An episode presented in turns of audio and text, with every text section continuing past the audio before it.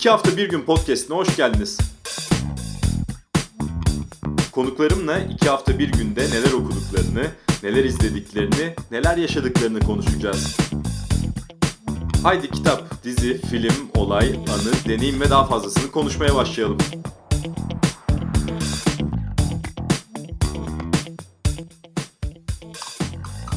Hafta bir günün yeni bölümünden herkese merhaba. Aslında aylardır üzerinde çalıştığımız, konuştuğumuz bir bölümle karşınızdayız. HBO dizisi Succession. Ee, biraz benim dizi konusundaki başarısızlığım mı demek lazım bilmiyorum. 3 sezonu tamamlamam çok uzun sürdüğü için aslında Aralık ayından beri konuğum yazar gazeteci Elif K ile yapalım diye konuşuyorduk ama baştan bir özür dileyerek başlayayım. Çok uzattım süreci biliyorum.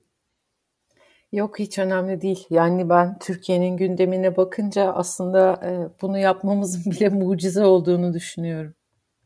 Şimdi, Sağlık olsun. E, o gündemle haşır neşiriz tabii ki.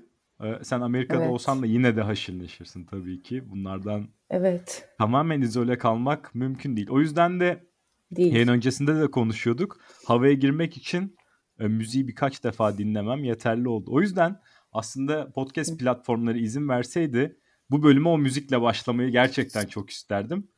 Çünkü evet, gerçekten çok özel bir müzik. Ayrıca o girişindeki trailer da bence çok etkileyici. Ee, belki oradan başlamak lazım. Yani e, bir diziye bu kadar anlam katan müzik yine sayabiliriz ama bir elin parmaklarının geçmez herhalde değil mi? Evet, bir biraz böyle Game of Thrones aslında e, ben çok yakın bir takipçisi olmasam da onun da jeneriği ve müziği çok etkileyiciydi.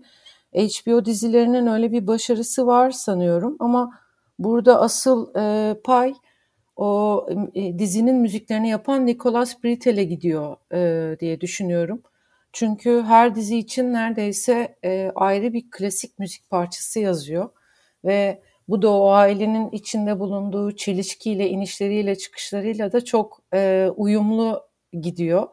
E, her seferinde piyanosuyla ailenin e, nasıl bir derde bulaşacağını da anlatıyor bir yandan. Ben de senin gibi çok etkileyici buluyorum ve e, açıkçası hiçbir zaman jenerini e, atlamadığım tek dizi olabilir. Ben de tek bir sefer bile atladığımı hatırlamıyorum. Bu arada evet, jenerik itiraf... sadakati gösteriyoruz oraya. Kesinlikle. Şunu da itiraf etmek istiyorum. Aslında tabii hani dizi konusunda dizi izlemekteki başarısızlığım bir yana şundan dolayı da zorlandığımı itiraf edeceğim. En azından birinci sezonda. Ben normalde dizi izlerken e, empati yapabildiğim veya sevdiğim ya da desteklediğim diyeyim böyle çocukça ifadeler ama karakterler olur ve onlar üzerinden de biraz diziye bağlanırım. Bu dizide yaşadığım problem 3. sezonu bitirdiğimde de hala o noktadayım. Ee, hiçbir karaktere yani pek bir sempati beslemiyorum gerçekten. Senin nasıl? Oradan başlayalım. Evet, e, sanıyorum e, o da başka, o da bir bağımlılık. Yani e, e, o kadar çirkin ki güzel dediğimiz, o kadar kötü ki e, kopamıyorum dediğimiz şeyler vardır ya işte bir dönem hani e, bence bir Türk e, dizisi için yani tarihi bir önem taşıyan gerçek kesit gibi. Şimdi gerçek kesit dizisiyle de herkes e, dalga geçerdi, gülerdi falan ama bir hastalık gibi de her hafta açılıp seyredilirdi. E, bu dizide de öyle bir bağımlılık e, karakterler de o kadar e, o kadar karaktersizler ki daha ne kadar dibe inecekler diye insan e, seyretmeden edemiyor açıkçası. Bende de öyle bir bağımlılık var ve e, iler yani bu podcast'in devamında da konuşuruz. Kendimden beklenmeyecek tepkiler de gösteriyorum çoğu zaman karakterlere karşı. Ne gibi ne olur? Karşı. Çok merak ettim çünkü. Mesela Kendall e, Kendall gibi birisini e, hayatta e, arkadaşım olarak görmek ister miyim bilmiyorum ama Kendall'a karşı e, bir e, zayıf bir karnım var yani çok seviyorum onu ve çok mutlu olsun istiyorum ve olmayacağını da biliyorum. Mesela e, işte e, her sezon Kendall ölecek mi diye korku içinde bekliyorum ki bu beni hiç ilgilendirmiyor aslında. Kendall Kendall çok parası olan ve şahane evlerde yaşayan işte e, hiçbir yere yürüyerek gitmeyen e, hani trafik yoksa ve koşması gerekmiyorsa e, e, her yere helikopterle giden bir insan. Son derece şımarık ve e, işte İngilizce'de o cry baby denen şey yani her fırsatta ağlayıp zırlayan bir insan ve ben onu çok seviyorum. Dolayısıyla kendimi de sorguluyorum. Yani ben Kendall'ı neden seviyorum? Ya da şimdilerde benim için yükselen e, yıldız Tom. E, iğrenç bir karakter Tom. Bir eş olarak seçilmeyecek bir insan, bir arkadaş. Yani su içmeye gidilmez Tom'la. E, fakat ondaki o yükseliş, o hırs e, gerçekten beni e, büyülüyor. E, bir arkadaşımla geçen hafta konuşurken kulakları çınlasın bu programı dinleyeceğini biliyorum. Ben aynı masada oturabileceğim tek karakterin Kendall olabileceğini düşündüğümü söylediğimde bayağı şaşırmıştı. Diğerleriyle mümkünse aynı mekanda bile bulunmak istemem diye düşünüyorum ama bu Kendall'ı sevdiğim anlamına e, gelmiyor. Şuradan belki başlamak lazım. E, hani öncesinde de konuşuyorduk ya ya Kendall yani empati duymamızın bizim gibi insanlar açısından kolay olmadığı karakterler hı hı. tabii ki filmdeki insanlar hı hı. ve nasıl bir örgü var ki dizide biz onların hı hı. dertlerine en azından bazı yerlerde gerçekten üzülebiliyoruz. Hı hı. Yani dizinin başarısı e, bu diziyi izleyen tabii ki çok fazla böyle insan da yok dünya üzerinde. Dizi izleyenlerin, izleyenlerin %95'i empati kuramazlar. Ama işte öyle bir şey var ki bu iktidar yarışını veya iktidar mücadelesini öyle bir anlatıyor ki ve aile üzerinden bizi yakalıyor. Ya yani buradaki hı hı. galiba derdimiz şu. Yani ne buluyoruz Succession'daki e, bir yandan da tabii sanat yöntemine ve e, uyarlama kabiliyetine bu kadar hayranlık duyuyoruz tabii ki izlerken. Hı hı. Yani orada ben sonsuz konuşabilirim tabii. Sen beni bir noktada durdur. Ben e, e, işte dediğim gibi yani böyle dizi fanatikliğini e, bir noktada anlamış bulunuyorum. E, Game of Thrones'cuların hala son sezonu içine sindiremediği böyle Reddit'te forumlar var. Yani hala tartışıyorlar. Ben de e, Succession için bu e, noktadayım. Şimdi e, Burak bana kalırsa benim için ben Succession'ı neden sevdim diye düşününce e, seyirciyi aptal yerine koymayan dizileri e, aslına bakarsan seviyorum. Yani bir sonraki sahnede ne olacağını ya da bir sonraki sezon ne olacağını çok kestiremediğim şeyleri e, daha çok sever oldum. Bu dizi de benim için öyle bir yerde duruyor. E, biraz şimdi son dönemlerde bir e, gibi dizisi var ya Feyyaz Yiğit'in e, yazıp oynadığı işte gibi dizisi gibi yani bir sonraki sahnede nasıl bir saçmalıkla karşılaşacağını bilmediğim e, bir şey Succession e, ve her karakterin boşlukları, inişleri, e, çıkışları var ve bunların da e, birbirine birinci sezondan son sezona doğru güzel bağlandığını düşünüyorum. Karakterlerin hepsi çok berbat fakat bu berbatlıkları da çok tutarlı. Bir de dizide şunu e, seviyorum. E, dizide hiç yalan yok. Hiç kimse birbirinin arkasından dedikodu yapmıyor. Herkes her şeyi e, birbirinin yüzüne söylüyor. Hani Türk dizilerinde klasik bir mutfak vardır ya mutfakta aslında e, konakta nelerin olduğu konuşulur. Herkes böyle birbirine bir gözünü devirir falan. E, bu dizide hiç öyle bir şey yok. Hiç göz devirme yok. Yani küfürse küfür, hakaretse hakaret. Herkes ağzına geleni e, söylüyor. Kimse birbirinin arkasından bir oyun e, oynamıyor aslında. Bir de e, babaları da aslında çok çalışıp çabalayarak buraya gelmiş. Ve e, bu çocukları da sevmesi imkansız. Bu e, üç tane, dört tane çocuğu var. Dördü de birbirinden beceriksiz. Ve onları da sevdiğini de söylemiyor. Aslında o anlamda çok dürüst bir dizi. E, ve hepsini teker teker ve toplu halde kandırmasına da e, şahit oluyoruz bir yandan. E, bir de e, bunlar şimdi her şeyi ellerine yüzlerine bulaştırırken, bulaştırırken çocuklar aşırı şımarık. Yani kapının önüne çıksalar bir bakkalı işletemeyecek kapasitede insanlar. Ve hepsi de bunun farkında yani babalarının şemsiyesi altından çıktıkları anda hiçbir işe yaramayacaklar.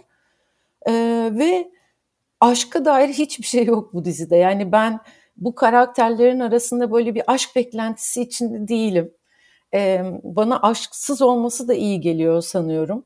Ee, çünkü e, hani karakterlerin birbirini nasıl alt edeceğini beklemek bana daha çok e, gerçekçi geliyor. E, bu dizideki bir, bir, bir gerçekliği daha çok seviyorum. O da herkesin kendine yalan söylemesi. Yani hepsi her konuda işte Tom Shiv'i sevdiğini e, zannediyor. E, Kendall kardeşlerini sevdiğini zannediyor. Ya da o işi becerebileceğini zannediyor. E, çocuklarına düşkün olduğunu zannediyor falan. E, herkesin kendine söylediği yalanlar teker teker yüz üstüne çıktığı için de çok seviyorum. Burada bütün akışı mahvetmek e, pahasına şunu e, yapmak zorundayım. Bütün akışımı bozacağım. Tabii ki. E, baba yani e, Logan Roy aslında sonunda yani 3. sezonun sonunda o İsveçli girişimciyle tanıştığında ve oturduğunda 2 dakika boyunca aslında ona bir sürü de laf ederken ama saygı, bir yandan saygı da duyuyordu ama bir yandan da aslında kimseden işitmek istemeyeceği sözleri söylerken ben şu şunu anladım. Logan Roy aslında hayatı boyunca çocuklarının birinden ona böyle bir konuşma bekledi ama evet. inandıramadılar onu buna ve o İsveçli girişimci bunu söyleyince bir yanıyla hayranlık duydu. Ve işte hı hı. böyle olmalıydı. Benim çocuğum böyle olmalıydı. Ama bence şunun hı hı. da farkında. Biliyor ki onun o şartlarda yetiştirdiği çocukların o İsveçli girişimci veya kendisi gibi olma imkanı da yok. Bir yandan da bunu da bildiğini düşünüyorum. O kadar rahat içinde o malikanede büyündüğü zaman da işte ne diyordu hatırlayalım mesela oğluyla konuşmasında. Hayat balçıkta kavga etmektir diyor. Balçıkta yerde hı hı. bıçağı kapma evet. mücadelesidir diyor. Ama hı hı. kendi çocukları öyle bir ortamda büyüyorlar ki zaten çamur içinde kavga etmeyi ö- öğrenmeleri de mümkün olmazdı. Ama yok. Hı hı. Kesinlikle bunu bilmiyorlar çocuklar haliyle normal olarak. Ama baba bunu bilmedikleri için de aynı zamanda onları hınç da duyuyor ve onlardan evet. rövanş almaktan da bıkmıyor sürekli sürekli. Onları sürekli yeniyor mesela. Bu da çok ilginç. Evet bir de yani o son e, sezonda e, çocuklarına e, siz e, basit ve sadece gürültü yapan ve şikayet eden e, yayalarsınız diye bağırdığında da aslında onlardan talep ettiği şey e, babalarının temposuna uyup e, koşmaları e, yani arabaya binmelerini istiyor. Yoksa bunlar sadece geçen arabalara söylenen e, bir takım yayalar olarak görüyor çocuklarını. Onların hiçbirinde de o zeka parıltısını da görmediği için e, aslında babanın e, durumu da zor. Çünkü babanın işte havuza mesela hiç kimse yokken girmesi, e, akşam indiğinde havuza girip yüzmesi, sırtındaki yara izlerini saklaması babanın çocukken e, babasız büyüdüğünü ve ailenin amcası tarafından çok şiddet gördüğünü e, anlatan bir bölüm. Dolayısıyla babanın sırtında dayak izleri var hala. Baba oraya e, o noktaya tırnaklarıyla kazıyıp geldiği için şimdi çocuklarına verdiği o refahı nasıl kullanamadıklarından ötürü de e, katılıyorum sana. O yüzden de sinirli. Şimdi burada oyunculuklara da bir şapka çıkaralım. Kimle başlayalım? Hı hı. Ee, Brian Cox'la mı başlayalım? Yani Logan Roy'la mı yoksa Kendall yani Jeremy Strong'la mı başlayalım? Ee, şey, e, babayla başlayabiliriz fark etmez. Yani inanılmaz bir oyunculuk ve çok etkileyici. İşte Kral Lear'dan o geldiği de söylene Hı-hı. geliyor Succession'ın Shakespeare'in eserine. Gerçekten e, benzerlikler de taşıyor ama çok yakışmış. Gerçekten Hı-hı. çok yakışmış Kes- baba. Şimdi Burak şöyle bir şey var. Bu dizinin e, çekimlerinde de şöyle bir ustalık var. Onu Shakespeare'e bağlayacağım birazdan. E, kamera e, konuşan kişiye değil, bütün bir fotoğrafa odaklanıyor. Zaman zaman çok yakın plan alıyor. Çok uz- o kamera oyunları yani bir yakın plana geçiyor, bir uzak plana geçiyor. O arada biz bütün aileyi görüyoruz. Yani bazen baba konuşurken babanın sadece sesini ve diğerlerinin tepkilerini görüyoruz. Dolayısıyla bu Shakespeare'in oyunlarında da olduğu gibi e, o havada bir bulut gibi sürekli tepelerinde duran şüphe elle tutulur bir his haline geliyor bu çekimler sayesinde de. Ee, ve aynı işte bu Shakespeare'in yazdığı karakterlerde de şimdi bu Succession'daki karakterler de mesela babaları e, bir gün uyanıyor ve ben neredeyim deyip yatak odasını tuvalet sanıyor. Başka bir hissedarlar e, toplantısında üre fazlasından işte akli melekelerini kaybediyor falan. E, yine e, bu nasıl ki Shakespeare karakterleri çok güçlü karakterlerdir. E, başroldeki işte Kral'da, Kraliçe'de, e, Kral Lear'de, Macbeth'te e, çocuklar yine korku içindeler ki bu müthiş bir güç gösterisine dönüyor. Yani baba açısından e, müthiş bir güç gösterisine e, dönüyor bütün hikaye. Bu Kral Lear benzetmelerine gelirsek aslında e, ailenin soyadı olan Roy, e, Royal'ın kısaltması yani kraliyet e, e, kraliyet kelimesinden geliyor. İngilizce'de kraliyet anlamına gelen kelimeden geliyor. Bir de Fransızca'da da e, Roi, R-O-I olarak yazılan da o da kral anlamına geliyor. Şimdi zaten dizinin senaristleri böyle bir benzerlikle yola çıkmışlar. E, ikinci sezonun sonunda da hatırlarsan Kendall işte saltanat burada son buluyor diye babasına e, isyan ederken orada da dizi e, Shakespeare'in oyunlarıyla benzerlik gösteriyordu.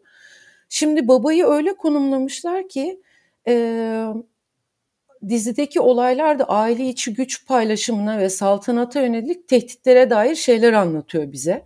Baba da en başta e, duruyor. E, Roy, Roy ailesinin kurduğu imparatorlukta da işte hissedarlar var, kurumsal rakipler var, tehdit altındalar. E, ve aynı şekilde de aile bir yandan da skandallarla ve aile içi itiş kakışla uğraşıyor. Buradaki tek fark e, Logan Roy'la mesela Kral Henry arasındaki tek fark Kral Henry aslında e, çocuklarının e, iyi birer yönetici olmaları için ya da oğlunun e, iyi bir kral olması için çabalarken e, ve sorumluluk alabilecek bir kral olması için çabalarken Logan'a baktığımız o sadece çocuklarını aşağılayan ve krallığı hiçbirine bırakmaya niyetli olmayan bir insan olarak ortaya çıkıyor. Yani onun Logan'ın özelinde orada Shakespeare'den dizi ayrılıyor. O çocuklarını e, dövüp dövüp kendilerine dönüp terliklerini ve gazetesini getiren köpekler olarak e, görüyor aslında baba. Ve e, çocuklarına da o kadar hasar vermiş ki yine Shakespeare'in karakterlerinden e, farklı olarak e, bu çocuklar e, babaları olmadan yani koltuk değneksiz yürüyemeyecek e, hasar görmüş insanlara dönmüş durumdalar. E, ve baba e, nasıl bu çocukların başlarına bir şey yapamayacaklarını bildiği gibi onların yerine kendi yerini sağlamlaştırmanın. E, Succession'ı Shakespeare gibi izlememizin e, bir yanı da e, karakterler ne kadar tatsız olsalar da çok ilgi çekici. Senaryo olağanüstü eğlenceli ve akıllıca yazılmış. E, ve aynı Shakespeare'in komedilerinde olduğu gibi de baştan sona aslında esprili ve keskin bir mizah var dizide.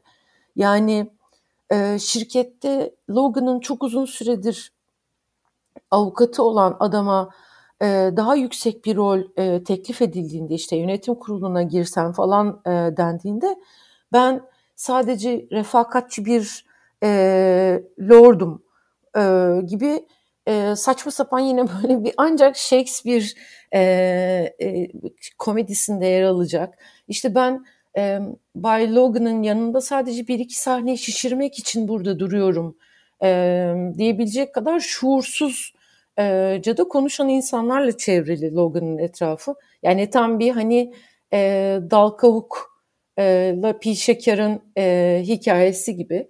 E, Logan'ın en küçük oğlu Roman işte yapacağı bazı stratejik hamleleri hayal ederek işte diyor ki ben anlaşmayı yaparım, Kendall'ı öldürürüm, tacı giyerim tıpkı Hamlet'teki gibi diyor. Hamlet'te bunun olup olmadığı da umurumda değil diyor. Halbuki Roman bir yandan da o kadar cahil ki bahsettiği şey de Hamlet değil Macbeth aslında.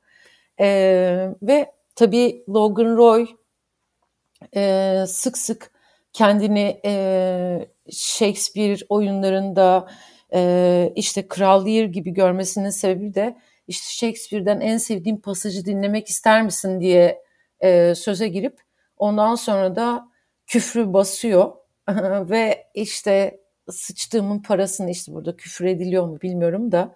Edebiliriz. E, e, take the fucking money diye bağırıyor. E, Shakespeare'den farklı olarak tabii Logan çok fazla küfür eden e, bir insan. Dolayısıyla e, Brian Cox bir de zamanında tiyatroda da çok fazla Shakespeare e, oyunu sahnelemiş bir insan. E, sesi ve e, karakteri ve duruşu e, çok müsait. Dolayısıyla çok e, rolünü de bu anlamda e, doldurduğunu düşünüyorum. Şimdi Kendall'a gelirsek ya çok güzel ilerliyor Muhammed gerçekten. Ee, iyi, ki, iyi ki konuşuyoruz. Ee, evet. Kendall'a gelirsek Jeremy Strong'un New Yorker'da çıkan makalede uzun uzun anlatıyor metot oyunculuğunun kendisi başta olmak üzere herkesi ne kadar yorduğunu ve aslında sette belli bir rahatsızlık yarattığını da burada Brian Cox'la da konuşmuşlar. O da şunu söylemiş. Yani onun bu metot oyunculuğu beni çok fazla etkilemez ama kendisine verdiği zarardan dolayı ben etkileniyorum onun bu halini gördükçe diye. Ama Jeremy evet. Strong'un kariyerine baktığımızda da çok büyük zorluklardan buraya geldiğini ve işte hayallerine bir anlamda kavuştuğunu da görüyoruz ama o ciddiyeti hiç bırakmamış. Şimdi Roman karakteri de hiç oynanması kolay bir karakter değil. Yani her sözü, her mimi, her jesti ayrı bir hikaye ve keyif de Hı-hı. veriyor bir yerde tabii ki bizi izlerken ama yine de Kendall karakteri oynaması en zor karaktermiş gibi görünüyor bana. Bilmiyorum ne dersin? Evet katılıyorum. Aslında bir o, o e, New Yorker'ın e, makalesinde mi yazıyordu? Başka bir yerde mi hatırlamıyorum. Kendall'a dair Kendall'a bir crush'ım olduğu için, onu beğendiğim için ona dair her şeyi okuyorum. E, hatta bizim mahallede ev arıyor diye biliyorum. Yani bulmasını ümit ediyorum en yakın zamanda. E, şey, o Roman rolü için başvuruyor. Evet, New Yorker'da vardı. Evet, ve, Roman rolü için başvuruyor ve yok ben diyorlar. Hiç, ben hiç e, canlandıramadım tabii kafamda ama. Evet ben de yani kendini ona layık görüyor ama ona diyorlar ki sen Kendall oynayacaksın. Şimdi e, Kendall o kadar e, garip bir e, oyunculuk metodu seçmiş ki kendine. E, bu Trial of Chicago 7'ı çekerken de ki orada da harika oynuyor aslında. Orada da bir sahnede protesto göstericileri ile polis karşılaştığında Yönetmene gidiyor diyor ki burada bize gözümüze gerçek göz yaşartıcı sprey sıkın diyor. Yönetmen de diyor ki böyle bir saçmalık olamaz yani herkesi mi riske atacağız çünkü zehirli bir şey sıkmasını istiyor. E, bu diziyi de aslında bana bakarsan e, yani e, şey e, aslına bakarsan Hamlet'i oynar gibi oynuyor ve kendi hayatı kadar da ciddiye aldığını söylüyor. E, ve o yine sanıyorum New Yorker e, makalesindeydi. Yani bir e, metot aktörü değilim ben. E, aslında kimlik yayılması yaşıyorum e, diyor. Ve e, Succession'daki işte kostümleriyle gerçek hayatta da o, o gardıroptan aldığı, ödünç aldığı kıyafetlerle dolaşıyor. E, ve işte o zaman e, dizide giymesi gereken kadife ceketi giyiyor, o dizide taktığı kolyeyi takıyor. E, Brian Cox bir de şöyle bir şey de diyor bir yerde. Diyor ki grubun diğer kalan aktörleri o kadar hani aktif, enerjik dizinin e, setinde herkes muhtemelen birbiriyle çok eğleniyor ve çok tatlı vakit geçiriyorlar. Şimdi Kendall gidiyormuş başka bir odada e, kulaklıklarını takıp çok sert klasik müzikler yani çok karanlık klasik müzikler dinliyor ve şunu talep ediyor yönetmenden de. Ben karavanımdan ya da bulunduğum odadan çıktığım andan itibaren kamera beni çekmeye başlasın. Çünkü ben işte sizin kestik ikinci e, kere alıyoruz falan onlarla uğraşmak istemiyorum. Yani o kadar hazır geliyor. E, işte o panik atakları atlattığı sahneler, o e, küvette yattığı sahneler falan onların hepsinde hakikaten Kendall sabahtan gidip küvette yattığı biliniyor. Yani öyle bir öyle bir insanla çalışmak da e, aslında çok zor. Rolünün e, çok hakkını veriyor. E, fakat tabii böyle bir ahlaki savaşçı ve kendini e, dizide kurtarıcı olarak görmesi, Kendini çünkü şirketin ve kurum kültürünün kurtarıcısı, kurtarıcısı olarak görüyor. E, ama bunu dizinin de kurtarıcısı olarak görüyorsa kendini hani hakikaten orada e, bir dert var. Çünkü e, dizideki herkese soruluyor tek tek. Hani Kendall'la, Jeremy Strong'la çalışmak nasıl bir şey e, diye. E, Kieran Culkin de bu e, şeyi oynayan, Roman'ı oynayan da diyor ki yani hani ben o ben, benim tercih edeceğim bir yöntem değil. Ben yapamam onun yaptığını diyor. Ee, karısı bir tek şaşırtıcı bir şey söylüyor. Diyor ki hani gerçek hayatta öyle değil. Çocuklarımızla ve benle ilgileniyor diyor ki e, ben karısının bile onu kurtarmak için bunu e, söylediğini düşünüyorum. Çünkü o New Yorker makalesi çok büyük tartışma yarattı. Kendall'ın hayranları tarafından e, çok e, sert eleştirildi o makale. Çünkü e, Kendall'ın Kendall sanki bir psikopatmış gibi yani Jeremy Strong bir ruh hastasıymış ve çalışılması imkansız bir insanmış gibi e, yansıtılıyordu o makalede. Bilmiyorum ne ederse kendi ne ediyor valla. Evet. Ee, Karen Culkin de şey demiş hatta hani ben bunu bir dans olarak görüyorum. Oysa o o bunu evet. bir savaş olarak görüyor demiş. Şu iki konuyu da konuşalım istiyorum. Bir tanesi bence Amerikan siyasetine dair de birçok şey söylüyor. Çünkü burada hı hı. işte Cumhuriyetçilerin kanalı, işte Fox'a benzetilen kanalın başındaki aileyi görüyoruz ama o diğer medya grubunu almaya kalkıştıkları zaman ve aileler bir araya geldiği zaman orası çok acayipti. Cumhuriyetçiler ve demokratların bir araya gelişi. Hı hı. işte birbirlerinin hı hı. değerleriyle dalga geçmeleri. Ne bileyim biri doktora yapıyor diye o şey diyor Wikipedia'da edineceğin bilgi için neden doktora yapıyorsun. onlar evet. onlar onların e, tavırlarını tabii küçük görüyorlar. E, gördükleri zaman aslında orada Amerikan elitlerine dair de birçok şey anlatıyor dizi. Başından sonuna kadar bence.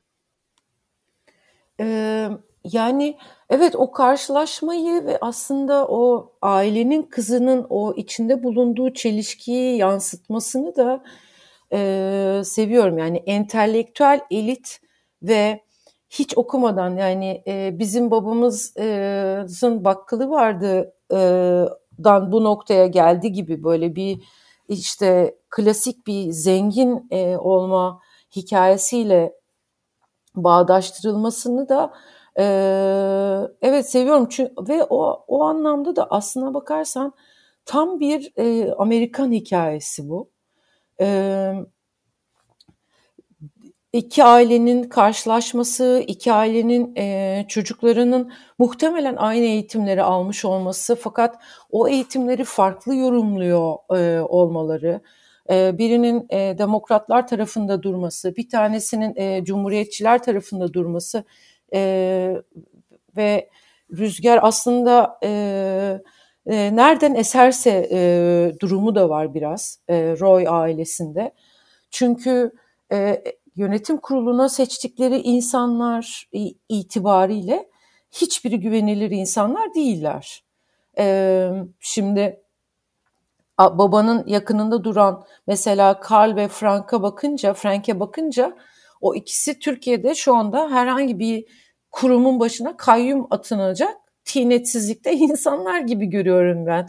Yani Roy ailesinde e, şöyle tam da cumhuriyetçi ve zengin dediğimiz e, paranın e, kaynağının e, genelde nereden geldiği belli olmayan ve tekelleşmeye çok meraklı olan aileler e, için söyleyebileceğimiz şey bu ailelerin çok ciddi entelektüel bir birikimleri yok e, bir bilgileri yok. Sadece e, çok e, birikimi olan e, ya da e, liyakati yüksek olan insanları yanlarına çekiyorlar.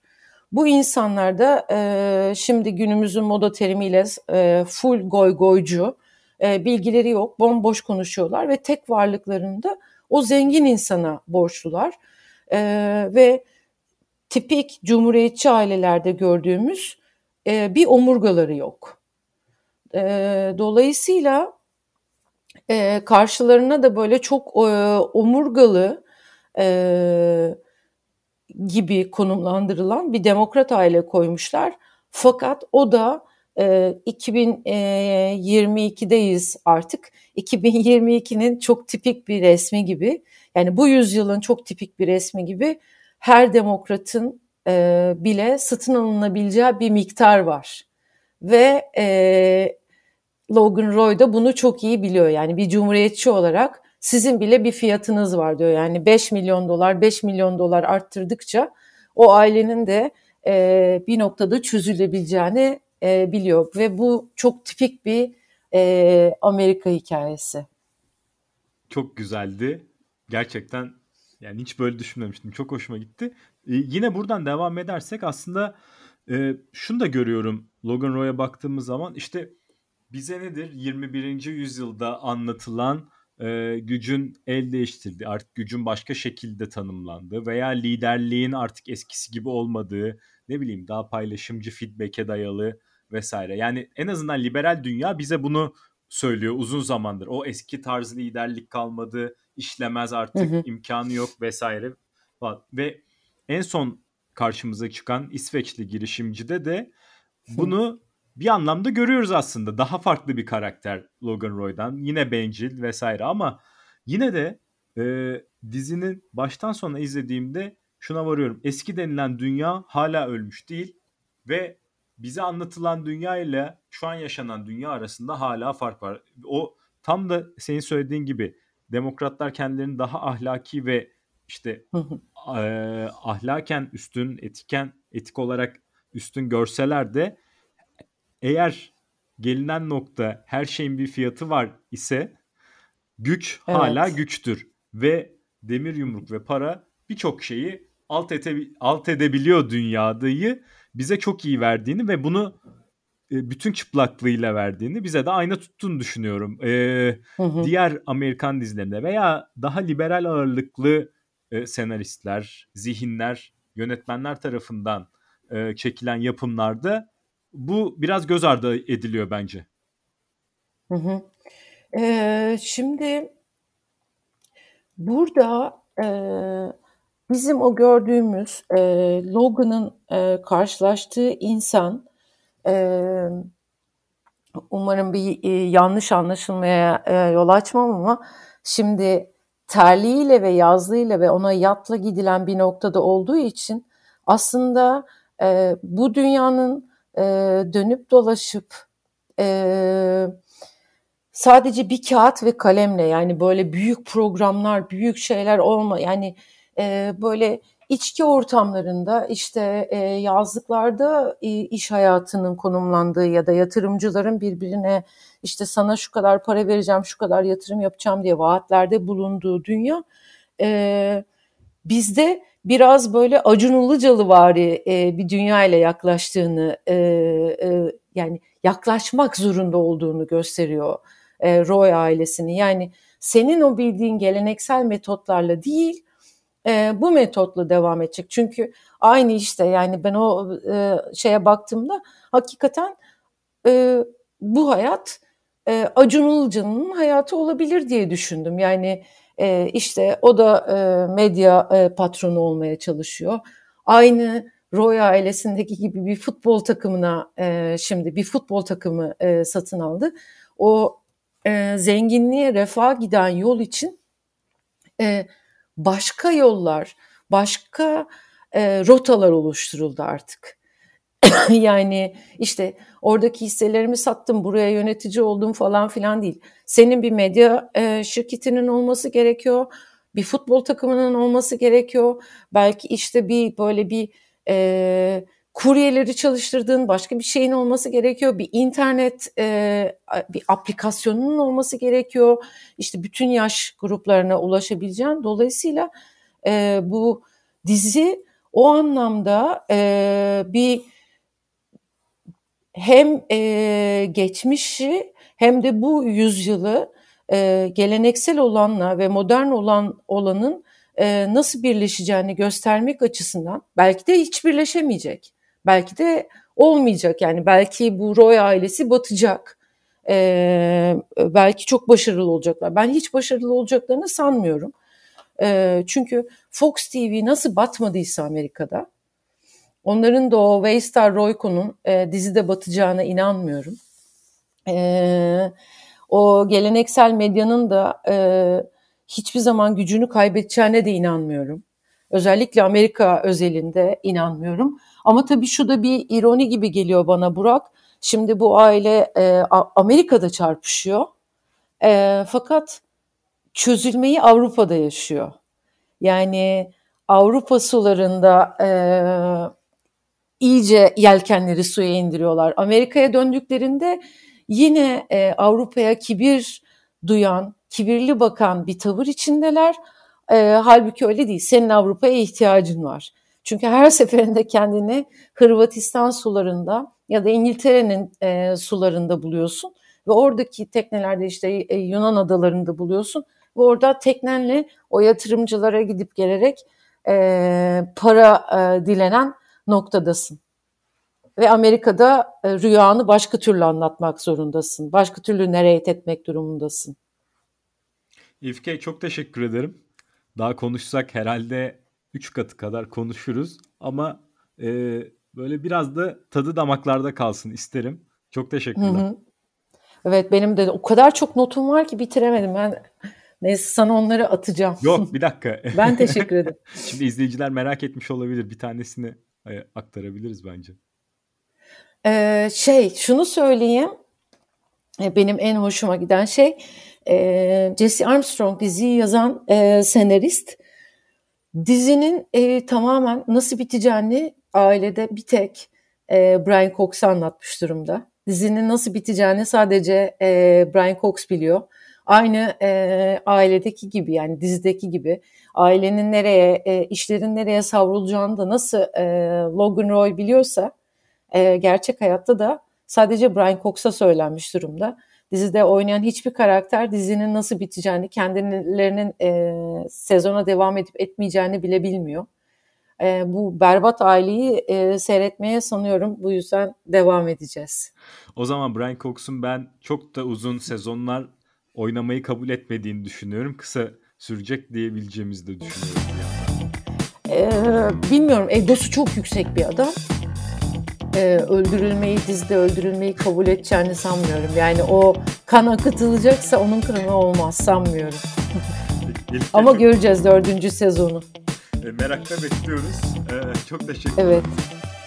Ben teşekkür ederim Burak.